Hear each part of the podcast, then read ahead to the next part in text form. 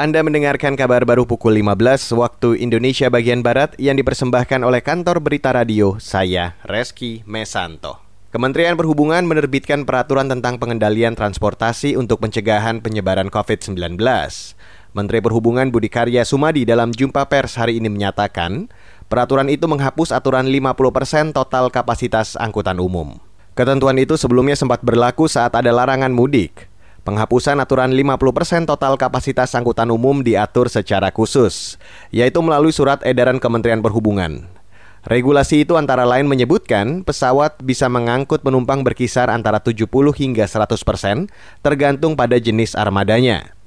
Maskapai penerbangan juga tetap wajib menerapkan prinsip jaga jarak di dalam pesawat sesuai konfigurasi tempat duduk dan pengaturan kursi penumpang.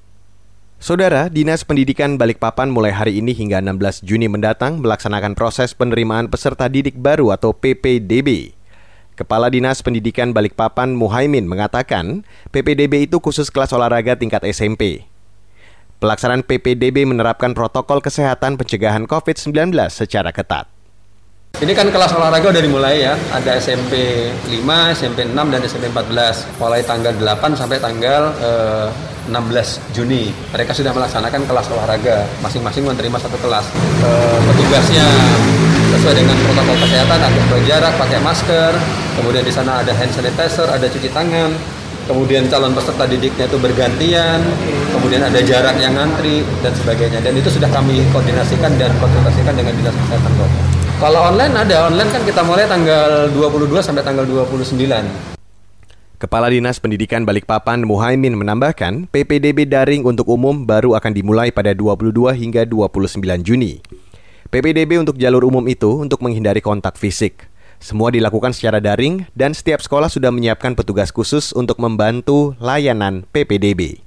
Sementara itu, saudara pemerintah kota Jayapura belum siap menerapkan tatanan normal baru di tengah pandemi COVID-19. Wakil Wali Kota Rustan Saru mengatakan, jumlah kasus COVID-19 di Jayapura mencapai 536 kasus dengan 474 pasien dalam perawatan. Karena itu tatanan normal baru di segala bidang belum bisa dilakukan. Nah, ini normal ini kalau kota belum belum siap sepenuhnya, tapi tahap-tahap kita lakukan. Ya mulai dari pola penanganan kita, pertama kita buka beberapa aktivitas kegiatan ekonomi, kemudian berikutnya lagi uh, di tempat ibadah. Mudah dengan akhir bulan Juli ini kira kita masih naik. Nah nanti Juli selesai baru mulai turun. Wakil Wali Kota Jayapura Rustan Saru menambahkan, untuk menerapkan tatanan normal baru, banyak hal yang harus dipenuhi. Misalnya, kajian epidemiologi, kesiapan layanan sistem kesehatan, dan jumlah kasus.